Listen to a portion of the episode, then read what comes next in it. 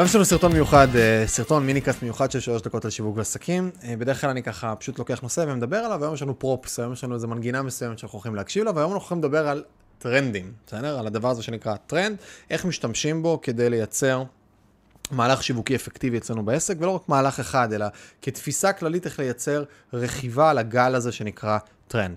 אז בואו נתחיל רגע מלשמוע איזשהו שיר מסוים, בסדר? שיר קצר, 25 שניות, שיבוא וייתן לנו framing על הדבר הזה שנקרא טרנדים.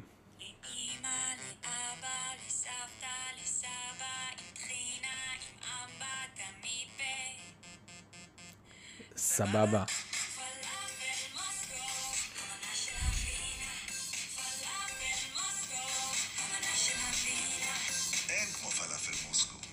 פלאפל מספר 1 ברמת גן כבר 42 שנה. פלאפל מוסקו, המנה של המדינה. עכשיו, יש שם עוד כמה כאלה תשדירים. אה, הקטע היפה כאן זה, זה תשדיר רדיו שפורסם ב-2010 ושרף כאילו במשך איזה חודש שלם את הרדיו בטרפת, ממלא ג'ינגלים מגניבים וכל מיני דברים לפלאפל מוסקו, פלאפל ברמת גן, 42 שנה הוא קיים, חי ונשם. הפלאפל הזה הביא למצב שמלא חיפושים בגוגל על איפה זה פלאפל מוסקו, לאן להגיע, והרבה אנשים כבר הכירו את השם של הפלאפל, כאילו זה כבר הפך להיות משהו שהוא מוכר, פלאפל מוסקו. אממה, אין באמת פלאפל מוסקו. זה היה תרגיל יח"צ סופר חזק של הרדיו, לא זוכר איזה רשת זה היה, נראה לי רשת ג' או משהו כזה, של להראות מה שנקרא הפרסום ברדיו עובד, ולהראות איך אפשר דרך הרדיו להחדיר מותג שלא קיים בכלל לאנשים לראש. והם עשו את זה במשך, אם אני לא טועה, חודש שלם של פרסום שטחנו את הדבר הזה, 42 שנה, ג'ינגל טוב, עם אמא, עם אבא, עם טחינה, עם אמבה, עובד יופי יופי. עכשיו, זה יצר איזשהו טרנד מסוים לפלאפל מוסקו. טרנד זה יענו שיש איזשהו תדר של התעניינות במשהו מסוים, בסדר? בהסתכלות מסוימת. טרנד אופנה, טרנד אה, כזה או אחר, שם קוד קריפטו whatever. איזשהו משהו שפתאום השיח התקשורתי והשיח האנושי מייצר פוקוס למול דברים מסוימים. אז אנשים התחילו להסתכל על הדבר הזה. מה עושה יזם שיודע לרכב טוב על טרנדים? מקים פלאפל מוסקו ברמת גן, בסדר? אז זה חלק מהעניין. העניין הוא עכשיו לבוא ולראות איך אני לוקח את אותו טרנד, שבמקרה הזה היה השם קוד פלאפל מוסקו, ויכול להיות במקרים אחרים, יכול להיות בכלל משהו אחר שלא קשור. למה יש אפקט נורא חזק ללרכב על טרנד במהלך שיווקי, במהלך מוצרי, בתהליך כזה או אחר? כי כשאני רוכב על טרנד, כשאני מייצר מהלך שבו אני רוכב על טרנד מסוים, החשיפה של אותו מהלך שאני אעשה תהיה הרבה הרבה יותר גדולה, כי יש שיח תקשורתי ויש הרבה נקודות ממשק שאנשים יתייחסו למה שעשיתי בכל מיני תצורות. למה אני מתכוון? דוגמה יפה זה לראות עכשיו את אה, כל... את כל עניין הבן אנד ג'ריס, בסדר? כרגע כל הדבר הזה שקרה עם בן אנד ג'ריס, שהם לא מוכנים, כל מיני זה, זכיין ישראלי, שנה וחצי יש לך שאתה סוגר, כל מיני דברים, בגלל הקו הירוק, פלסטינים, ישראלים, שמאלניות, ימניות, BDS עניינים. כמעט כל דמות ציבורית, וזה, יש אנשים ספציפיים שיש להם לוגיקה והבנה של איך תקשורת עובדת ואיך יח"צ עובד, והם יודעים לבוא ולהשתמש בדבר הזה כדי לייצר כל מיני מהלכים ויראליים שתופסים. אז אם עכשיו אנחנו מסתכלים רגע מה עשה דוגמה קלאסית ויפה מאוד, גולדה עלו על הגל הזה בכל מיני תצורות, כן? גלידה בן אנד ג'ריס, ואז גולדה זרקו איזו עקיצה מסוימת, שגם היא הייתה לא לגמרי נכונה, אבל יצרה תהודה מאוד מאוד גדולה, אנשים העבירו את זה, ראו את זה, וזה הגיע, פוסט בעמוד של גולדה הגיע לכמעט עשרת אלפים לייקים, אם אני זוכר, או משהו בסגנון, בסדר? כמויות נורא נורא נורא נורא גדולות של מעורבות ועניין. רמי לוי, בסדר?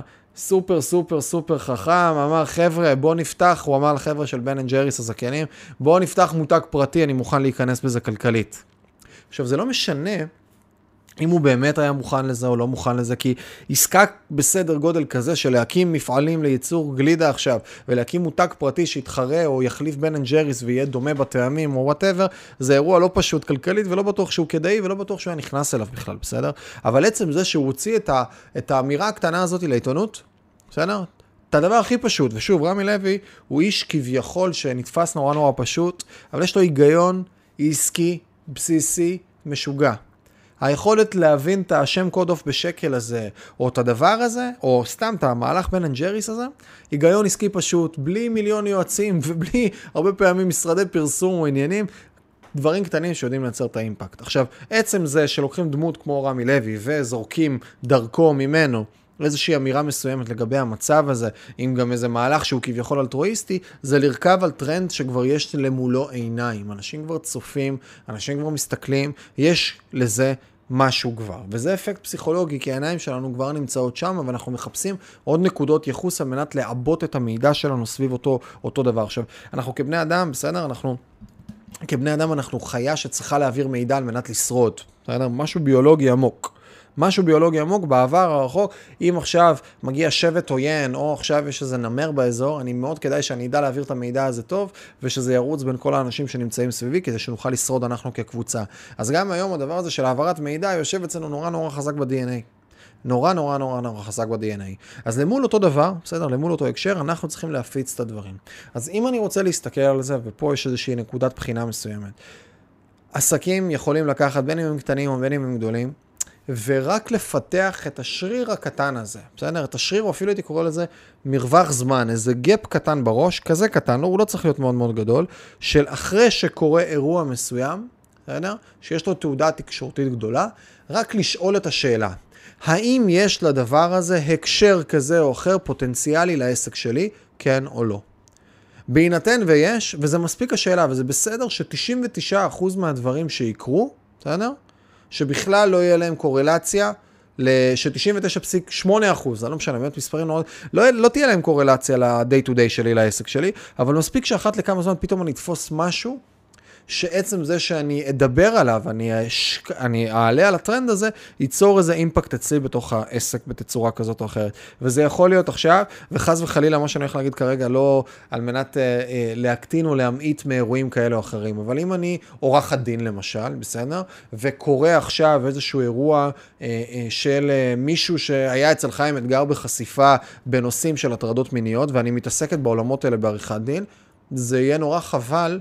גם מקצועית וגם מן הסתם אישית, שליחותית, לא לבוא ולהעלות פוסט על הדבר הזה בהתייחסות כזאת או אחרת, כשזה כרגע נמצא בכותרות. עכשיו, מישהו יכול לבוא ולהסתכל ולהגיד, רגע, אבל זה לא לנצל מצב, התשובה היא, בהינתן ואני עושה את הדברים בצורה ערכית, הרבה, התשובה היא חד משמעית לא, אלא להפך דווקא.